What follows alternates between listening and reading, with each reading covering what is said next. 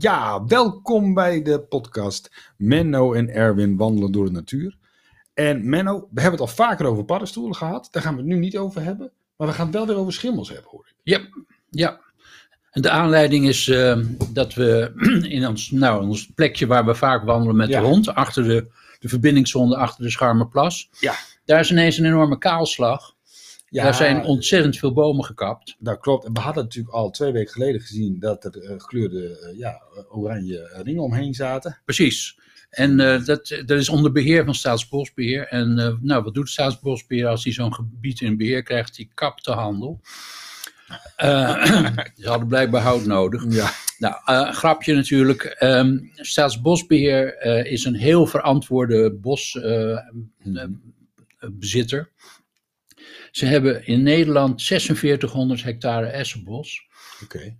En eh, ze zitten nu met de ellende dat 85% daarvan eh, is zeer ziek of gaat dood aan de essentaksterfte. En, maar Essen, horen die hier ook? Of Ja, niet? Essen horen hier, echt ja. Ja. Ja, en eh, nou, het is dus heel spannend wat er aan de hand is. Het is allemaal de schuld van het essenvlieskelkje. Oké. Het essenvlieskelkje, dat is eh Hymenoscyphus fraxineus. Nou, dan wordt het nog ingewikkelder. Ja, maar het is dus een schimmel. Oké. En die eh, schimmel die is eh, ja, voor het eerst goed beschreven in Polen rond 1992. Oké, dat is wel Daarna Scandinavië. Hij is wetenschappelijk beschreven pas in 2006. Dus dat is allemaal heel recent. Ja, en wat doet dat, die schimmel? Die, die, die waait aan via sporen. Daar komen we misschien straks nog wel even op. Dat door de wind. Die komen op zo'n boom terecht. Die tasten de bladeren aan. Die tasten de bast aan. Die dringen door de schors heen. En zo'n boom gaat heel langzaam maar zeker dood. De kroon wordt, wordt steeds smaller en eh, verliest zijn kracht. Dus er kan geen fotosynthese meer plaatsvinden. Die boom gaat dood. Ja. En nou is, waarom kappen ze dan die bomen? Nou, eigenlijk is dat om het publiek te beschermen. Omdat die bomen die worden steeds zwakker en die kunnen heel makkelijk omwaaien dan. Maar je zegt de kroon wordt steeds minder. Ja. Worden de wortels ook minder dan. Ja, het hele, het hele ding wordt gewoon steeds zwakker en, de, en, en een windvlaag begint op een gegeven moment genoeg te zijn om dat ding om te gooien. Hm. Voor die schimmels maakt het eigenlijk geen moer uit, want die schimmels zijn met hun sporen overal. Ja. En eh, opruimen van alles heeft dus ook geen enkele zin, want er blijven altijd takjes liggen of wat dan ook. Maar het is eigenlijk puur om het publiek te beschermen dat, die, eh, dat, ze, Nee. dat ze ze rooien. En eigenlijk kan er dus, maar tegen de schimmel kan dus eigenlijk niks gedaan worden. Nee, nee. Eh, en het enige wat je wel kan doen, en dat, daar, hebben ze, daar vraagt Staatsbosbeheer ook een beetje de samenwerking met het publiek zelfs, dat sommige essen staan er prima bij. En er zijn dus hier en daar individuen die kunnen tegen die schimmel. Dat zijn dus resistente bomen. Ja. Nou, die moet je hebben. Ja. Er zijn dus verschillen tussen de bomen en sommige essen kunnen er tegen, andere niet. Hm. Nou, die, je, wat je dus moet hebben is, die, die er tegen kunnen, die moet je vermeerderen en die Ja. moet je weer aanpoten. Oké. En dan, eh, en dan kan je dus toch weer essenbossen krijgen. Maar bedoel, waar wij dan lopen, ik had het gevoel dat het bijna allemaal weg was. Ja, dat gaat ook, eh, dat gaat ook eh, ja, nou, het is 85 procent, schatten zij van hun, eh, als ze dus een essenbos hebben, Hm. is dus 9 op de 10 zijn ziek. Ja. En eh. Nou ja, het is de vraag waar het uiteindelijk vandaan komt. Het zou uit Azië kunnen komen. In Japan is het ook al beschreven, die ziekte. Ja, ongetwijfeld Azië, denk ik dan, met een vleermuis of zo op een markt of zo. Of nou nee, gewoon door de lucht. Oké. Want dat is een beetje het ingewikkelde van die, eh, die, die, die, die schimmels. Als ze dus eh, sporen hebben, ja, die, die zijn heel licht en die, door de wind komen die over de hele wereld. Ja. Dus eigenlijk zijn schimmels altijd overal. En eh, in de vorm van sporen. Nou ja, en we, het verhaal van wanneer zijn, zijn die schimmels nou erg en wanneer zijn ze goed of wanneer zijn, doen ze helemaal niet de zaken, dat is eigenlijk wel heel erg spannend. En ik, eh, ik heb me er ook een beetje meer in verdiept. Eh, ja, en dan kom je wel tot hele, hele rare eh, bevindingen waar we het zo wel over hebben. Het is trouwens ook zo, het is niet alleen een probleem in Europa, het wordt ook een probleem in Amerika. Daar heb je de zwarte en de witte S. Die worden hier en daar ook nog wel aangepoot. Maar ook die eh, zijn slachtoffer van, de- van, deze, van deze schimmel. Dus je kan eigenlijk zeggen straks over de hele wereld, de essen, dat gaat... Essen van deze families, want het is binnen deze families, eh, niet alle, er zijn andere essen die, eh, Hm. die, die, die ontsnappen eraan. Maar deze gewone Nederlandse S en die witte en die zwarte Amerikaanse S, die, die leggen het loodje. Ja. Ja. Behalve dan dus weer die individuen die er tegen kunnen. Ja. Ja, aan de andere kant, hoe erg is het? Hè? Ik bedoel, krijgen we kunnen we er andere mooie bomen voor neerzetten? Of Nou ja, wat- wat, wat er dus nu moet gebeuren is dat Staatsbos moet eh, heel veel, en dat gaan ze ook doen in de herfst, eh, planten ze in, eh, hier bij, bij het Scharmergat, maar bijvoorbeeld ook bij, eh, ehm, bij de Rijpema, het natuurgebied waar we het ook eerder over gehad hebben, daar Ja, hebben ze ook op grote schaal gehakt. Mag ik je even onderbreken? Ook een hele leuke aflevering, jongens. Als je dat nog even terug wil luisteren. Dat is een van de eerdere, nou, in, de top 10 eh, staat die volgens mij. Een van de Ja, eerste een van afleveringen. de leuke gebieden uit Ja. het, beschreven in het gidsje De Natuur van Duurswold. En, eh, maar daar is dus ook een kaalslag van die essen. Hm. Nou, en in principe heeft uh, Staatsbosbeheer een eh, herplantplicht. En wat ze gaan doen is een, een veel gemengder bomen inplanten. Dus daar komen ook eh, eiken en beuken en wat dan ook. Zo. Ja, en van, nou ja, gewoon heel gevarieerd. Zowel loofbomen, misschien ook wel wat naaldbomen, want die, daar gaat het ook slecht mee. Hm. Eh, gewoon om te kijken, nou, dat er toch weer een boombestand komt. Ja. Het is wel een klein beetje de vraag wanneer dat weer een heel opgaand bos zal zijn. Ehm, ja, jij zal dat nog wel meemaken, denk ik. Ja. Nou ja, ik moet zeggen, dit waren wel hoge bomen. Maar ik vond ze ook wel saai. Ja, het is een beetje, ze zijn bij die aanleg van, die, eh, van de snelweg, is dat allemaal ingeplant. En ze hebben er eigenlijk een beetje makkelijk gekozen, nou laten we er maar heel veel elzen neerzetten. Ja, ja. Dus ze hebben er nooit hun best gedaan om daar een gemengd bos van te maken. Ja, Ik vroeg me af, ik zag dat zo liggen. Ik dacht heel veel hout. Ik denk, nou, er zijn veel houtkachels. Die doen wel, denk ik. ja, maar dat is een beetje, ik neem aan dat eh, Staatsbosbeheer zorgt er wel voor dat het hout goed terechtkomt. Hmm. Het is prima hout om, eh, om meubels van te maken. Oké. Je moet het niet buiten hebben, daar is het niet sterk genoeg voor. Maar binnen in huis, Ja. eh, je kan er meubels van maken, je kan er allerlei voorwerpen van maken. Het is heel taai hout. Oké. Eh, je, de Engelsen maken er ook bogen van. En, Hmm. eh, het, is, het is voor heel veel dingen toepasbaar. Ja. ja. Dus ik denk, nee, het is te kostbaar om zomaar op te stoken. En jij zegt, gaan ze dus verschillende soorten bomen voor terugplaatsen. Eh, dat is dan ook direct weer voor de diversiteit, denk ik. Ja, Of, of- zeker. Ja. Ja, ook om het een beetje een gemengde uiterlijk te geven. Ja. En dan zijn er altijd een paar bomen die sneller opgroeien. En als je er wat meidoorn tussen zet, die loopt op dit moment al uit. Ook al sneeuwt het op dit moment. Dan, maar de, de meidoorn begint al uit te lopen. Nou, dan heb je ook wat meer variatie in wanneer planten, eh, wanneer bomen in blad komen. En in de herfst eh, of ze hun blad houden. Eiken zijn altijd heel laat. Nou ja, zo kan je dat een beetje een gevarieerd beeld opbouwen. Ja. En het is natuurlijk wel leuk om, om echt, nou ja, oer-Nederlandse bomen te nemen. Dus daar zal Ja. Stadbosbeheer wel voor zorgen. Ja. Maar ja, ondertussen is dat eh, is het natuurlijk toch wel indrukwekkend dat één zo'n verdomd klein schimmeltje Ja. eh, zo'n heel bos in principe plat kan leggen. Ja. Want als dat bosbeheer niet gedaan had, over een tijdje was het vanzelf gegaan. Ja. En eh, ja, dat is dus wel heel bijzonder. Dus ik, ik ben toen toch weer eens even in die wereld van die schimmels eh, eh, ge- gedoken. Want nou, we hebben aflevering over paddenstoelen, Ja, Hè? met, met Inge. podcast met, met Inge Somhorst, Ja. die we goed beluisterd. Maar dat zijn natuurlijk eigenlijk een soort, eh, ja, een soort visitekaartje van de schimmels. Die zie je, die, die vruchtlichamen, nou, Ja. met al die kleuren en al die, en voor een deel ook heel lekker. Ja. Maar schimmels komen natuurlijk in allerlei gradaties voor. Heel veel eencellige. eh gistcellen horen ook bij schimmels. Hm. Eh, dus nou, daar komen we straks op wel. Ze kunnen ook heel nuttig zijn. Maar ze kunnen ook heel groot zijn. Er is bijvoorbeeld een, eh, een honingswam die... ten eerste is er al aangetoond dat één exemplaar is al 2400 jaar oud. In Oregon. Hoe tonen ze dat nou weer? Nou, je kan via eh, DNA-analyses en, eh, en, eh, van via, en via bepalingen van het koolstofgehalte Hm. kan je de ouderdom bepalen. Oké, ja, ik wist dat dat in bomen was, maar ook in schimmels. Dus. Ja, nee, schimmels zijn Ah, ouder dan bomen in Ja. dit geval. Hm. En, en bovendien, dat, dat, dat ondergrondse uitgroeien van, van die draden, het mycelium heet dat, dus al die, al die schimmeldraden, Mhm. Die, ja, dat is een oppervlakte daar van 890 hectare. Ongelooflijk. Dus, Heel Europa. Dus ongeveer het grootste organisme op aarde is een schimmel. Hm. Ja. Ja, maar Nee, ja, in Zwitserland is er eentje van 800 bij 500 meter Ja. gevonden. Ja. Ongelooflijk. Ja. Ja. Maar nou ja, die schimmels die. eh, het is het, wat ook heel grappig is, en eerlijk gezegd hem- keek ik er een beetje van op, want ik had het vroeger ooit in mijn studietijd anders geleerd.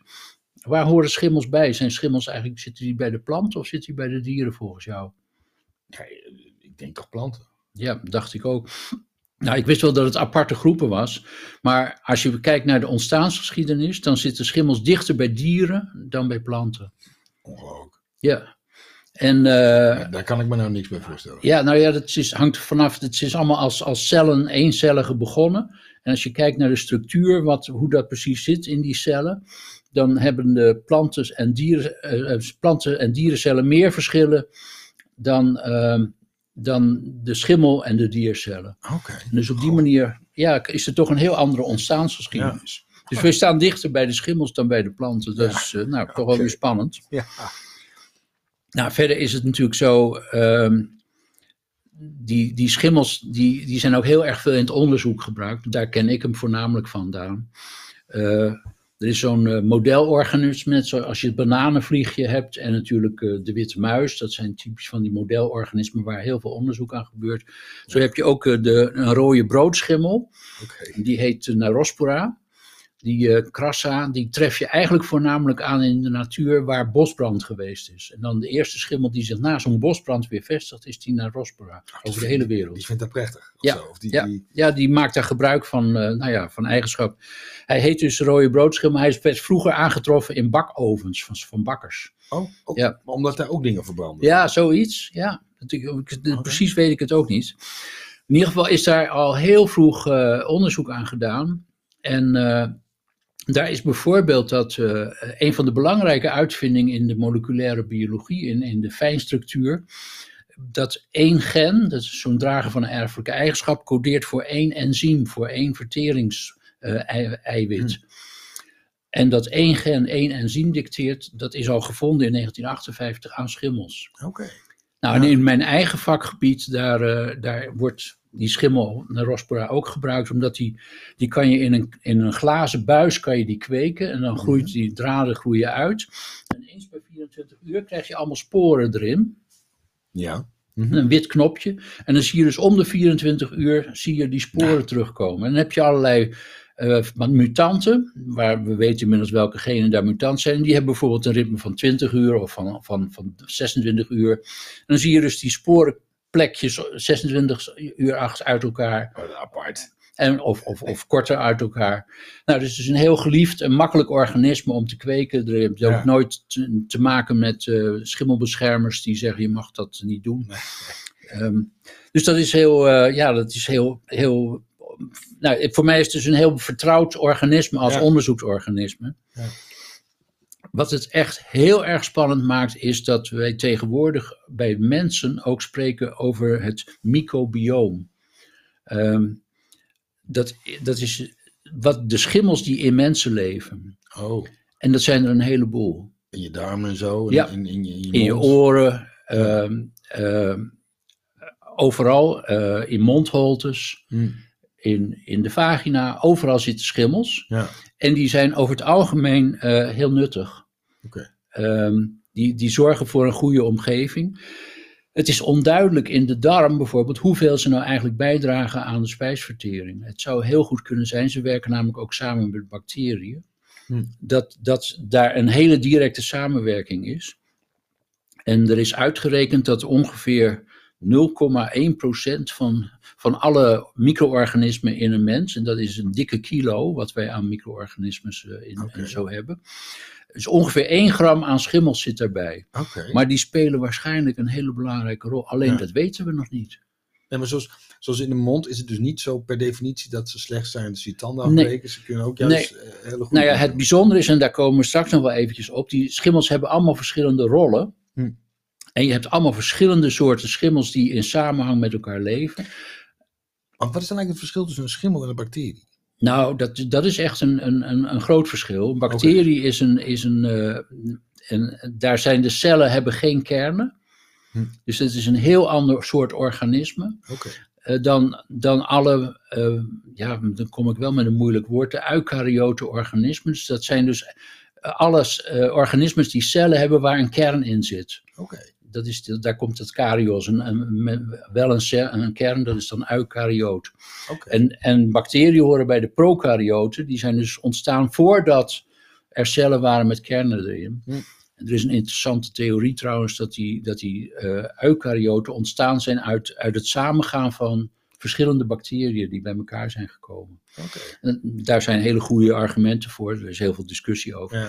Maar dat is een groot verschil met bacteriën. heb ik niet echt in de Bijbel gelezen over het samenkomen en dat soort dingen. Nee, nee, nee, daar, daar, daar, nee, daar was nog niet zoveel. Alhoewel ongetwijfeld schimmels wel beschreven zullen staan ergens Oh, in de. Bijbel. Ik heb het er niet Ja. op nagekeken. Wij hebben het allebei niet zo goed gelezen, volgens mij.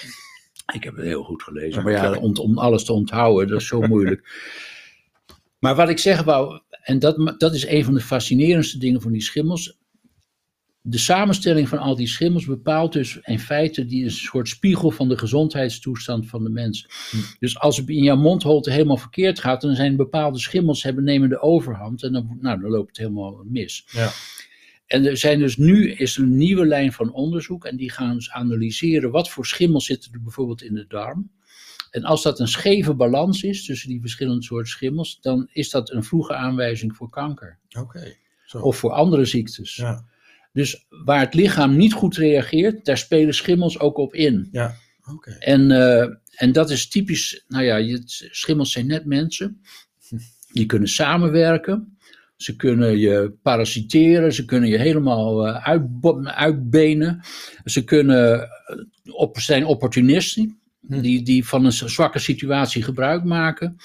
Eh, ze kunnen onschuldig iemand gronden richten zonder dat ze er zelf baat bij hebben. Ze kunnen onschuldig iemand goed doen, ook zonder de baat. bij- Nou, dat is allemaal gedrag wat mensen ook Ja, hebben, ja, nietwaar? zeker. Ja, dat doe jij toch ja, allemaal? Nee, natuurlijk. Ja. Je Ja. ja. het af. Ja. Nou ja, het bijzondere aan die, eh, aan die voeding, en daar, daar heeft het, daarom heeft dat mij ook al heel lang gefascineerd. Eh, je- zoals je weet is mijn, eh, een van mijn lievelingsbeesten is de veldmuis. Ja. Dat, beest wat, eh, Ja. wat een heel klein muisje dat leeft, leeft van grasworteltjes. En dat is hele lage kwaliteit voedsel. Dat is cellulose, dus voor ons ook helemaal niet te verteren. Hm. En voor die muis eigenlijk ook niet. Maar wat doet hij? Die slaat dus dat, dat, dat gras, eh, dat vermaalt hij natuurlijk wel, en dat slaat hij dan op in een blindzak. En wat zit er in die blindzak? Daar zitten schimmels in. Ja. En die met, samen met bacteriën, die verteren dus dat, eh, dat voedsel. Ehm, en op die manier kunnen ze dus hele lage kwaliteit voedsel kunnen ze toch, eh, Ja. eh, toch heel goed verwerken. Oké. Ehm, ik heb toen wel eens naïef gevraagd aan een paar microbiologen, kunnen we daar niet eens naar kijken? En die zei toen, sorry, het is veel te moeilijk. Mm. We snappen daar zo weinig van. Eh, we moeten eerst de koe begrijpen. Dat is economisch belangrijker dan jouw veldmuis. Ja. We, we- nou ja, en het is nog eigenlijk nog steeds zo dat we dus heel weinig weten van wat die, nou ja, hoe, die, hoe die bijdrage van schimmels er nou aan is. Oké. Maar ja, vraag je een gemiddelde boer bijvoorbeeld naar, naar schimmels, wat denk je dat die erop reageert? Schimmels bij een boer. Ehm ja, uienschimmel of zo? Ja. Nou, het is elk gewas wat hij op het land zet, daar kunnen wel schimmels in terechtkomen. Ja. En eh, eh, je hebt moederkoren op roggen, je hebt steenbrand op tarwe, je hebt builenbrand op mais, eh, je, je hebt op appelbomen heb je de schurfschimmel, Hm. Eh, op jeneverbessen met de perenroes, nou je noemt het maar op. Het is één grote ellende. Hm. Dus overal waar de situatie niet optimaal is voor gewas, of waar een soort monocultuur is, waar dus veel te veel van dezelfde plant in één gebied staan, Ja, ja, daar kunnen die schimmels toeslaan. Hm. En eh, ja, helaas is het nog steeds zo dat eh, een boer grijpt dan toch gauw naar een fungicide. Dat is dus in feite een, een, een schimmeldoder. Ja. Ja, en dat is tuig. Ja. Dus niet best. Nee. Ehm, dus dat is de parasitaire rol. En eh, ehm, heel vaak is het, is het zo dat, eh, dat die schimmels eh, de- gebruik maken dus van zwakke stadia. Dus planten of, of bomen die verdrogen of vernatten, die, Mhm. gaan, ja, die worden gepakt door die schimmel. Ja, ja. En het is ook al bij mensen, in principe zijn er aanwijzingen dat als jij een zwak afweersysteem hebt, dat dan die schimmels ook eerder toe gaan slaan. Ja.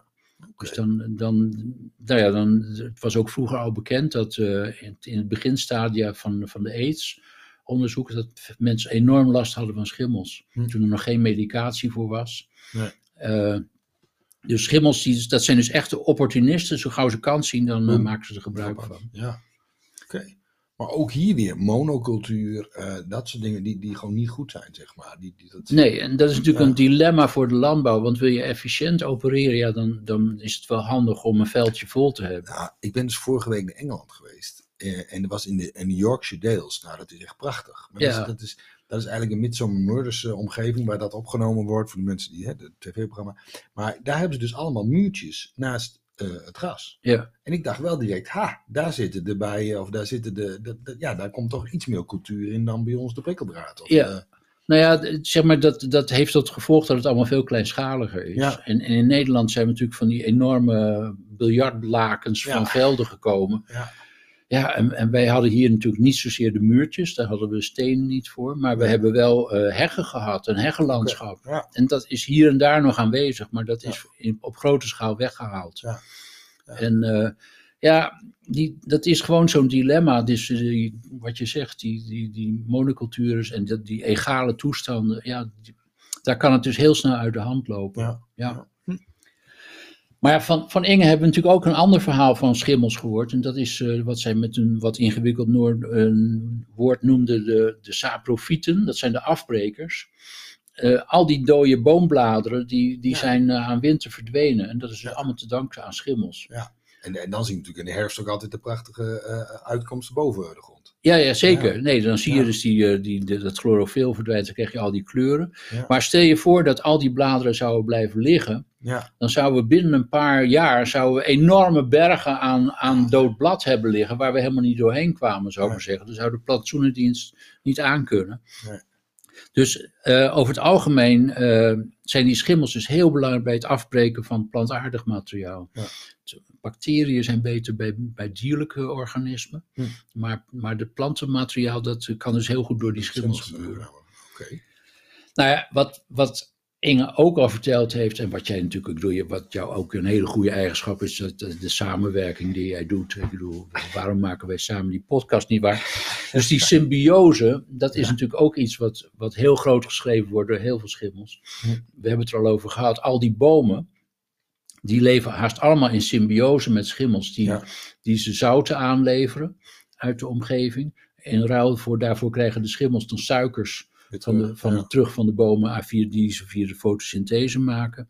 Dus die, die, die, die, eh, al die, dat heen en weer verkeer, die symbiose, dat is eigenlijk de bestaansreden voor heel veel planten en bomen. Zonder dat zou het niet lukken. Dus die schimmels spelen een enorm grote rol om, Ja. om, om de plantenwereld in eh, overeind te houden. Ja, we zien er zo weinig van. Geweldig. Ja. Ja. Nou ja, er zijn heel speciale gevallen. Orchideeën bijvoorbeeld zijn vaak heel erg afhankelijk van eh, schimmels.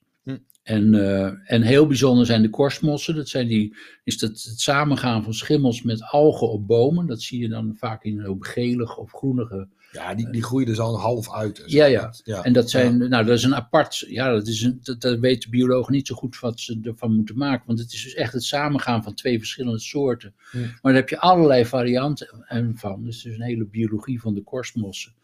Eh, een hele goede indicator voor hoe goed het met de, de omgeving is. Hoe meer kosmossen, hoe beter, eh, hoe beter de, de lucht is in een, een omgeving.